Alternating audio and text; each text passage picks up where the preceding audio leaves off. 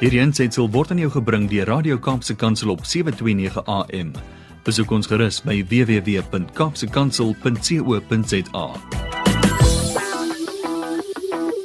Zanti, how goes it with you? Oh, my friend, I am blessed. I am blessed, living above our circumstances, Mm. and um, praising the Lord for being alive another day.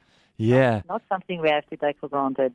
What you're saying, I love. Quickly, before you tell us your story, I always am curious. So, uh, uh, do you, are you an early riser? Do you get up really early and spend time with God? How does how does your uh, morning start? What time do you get up? Yeah, I, I, I like getting up early. I get up at about half past 5 Uh-huh. um, and and start the day, yeah, with a cup of my Herbalife Thermo. tea. Yeah. And um, yes, and then I put on my walking shoes and I spend time with God when I walk Yeah. on the road. So, but this morning I'll do it afterwards. Oh, now. fantastic. well, let, let me not stand in your way. We just wondered, you know, we always like to figure out how some people do it. You know, the successful people in life, how they go about doing things. We like to learn from each other.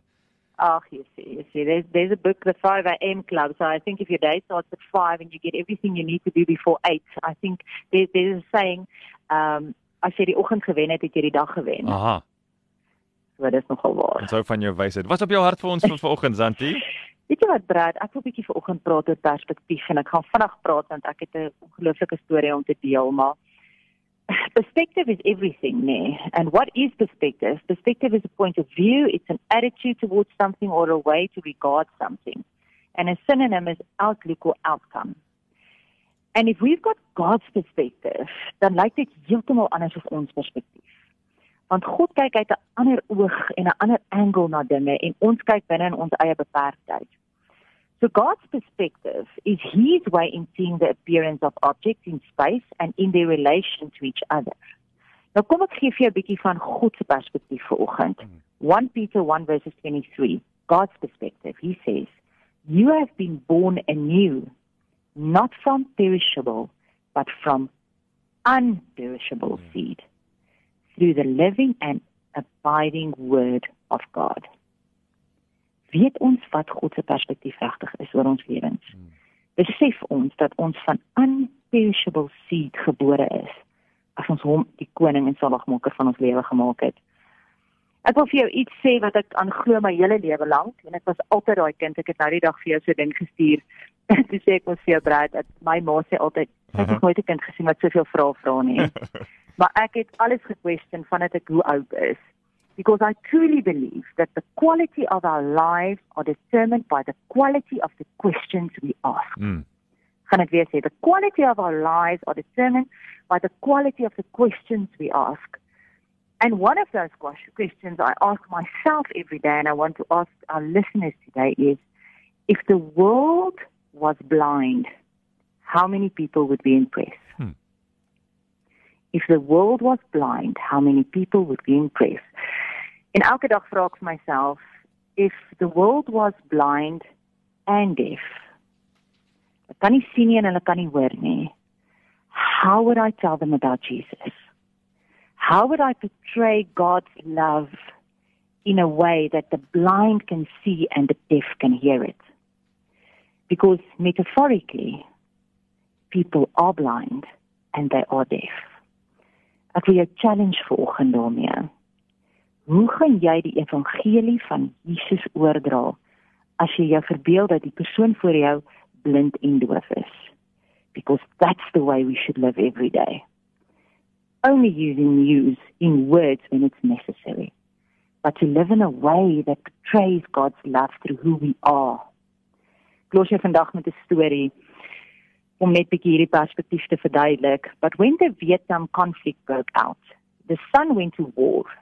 He was very courageous and died in battle while rescuing another soldier. The father was notified and grieved deeply for his only son. About a month later, just before Christmas, there was a knock on the door. A young man stood at the door with a large package in his hand. He said, Sir, you don't know me, but I'm a soldier for whom your son gave his life. I'm that soldier. He saved many that day. He was carrying me to safety when a bullet struck him in the heart and he died instantly. He often talked about you, sir, and your love for art. The young man held out his package. I know this isn't much, and I'm really not a great artist, but I think your son would have wanted you to have this. The, oh, the father opened the package was a portrait of his son, painted by this young man.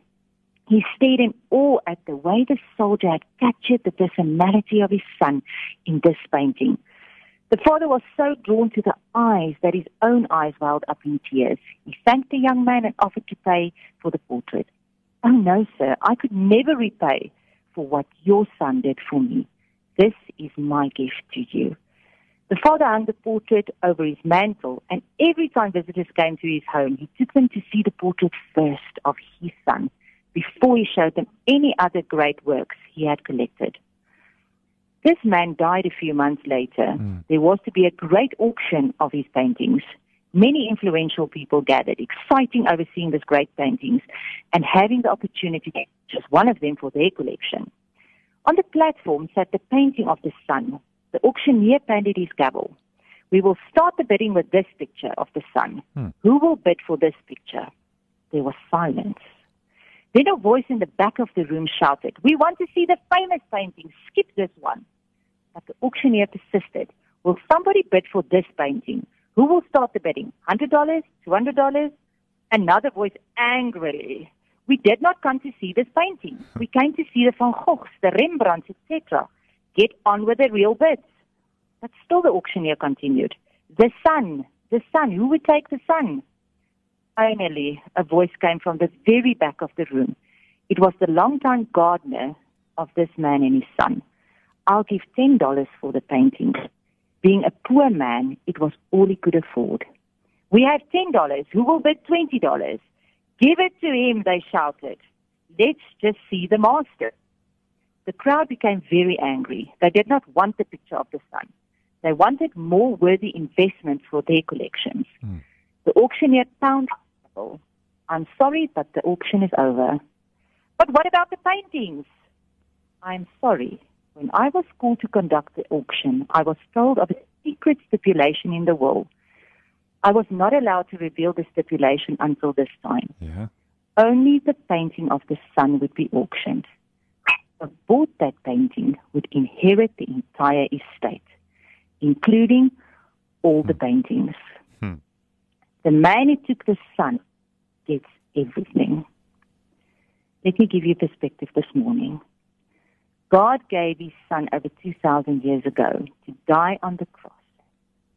Much like the auctioneer, his message today is the son, the son who will take the Son?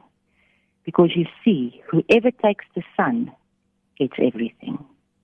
Amen.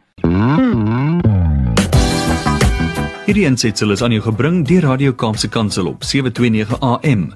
Besoek ons gerus op www.kaapsekansel.co.za.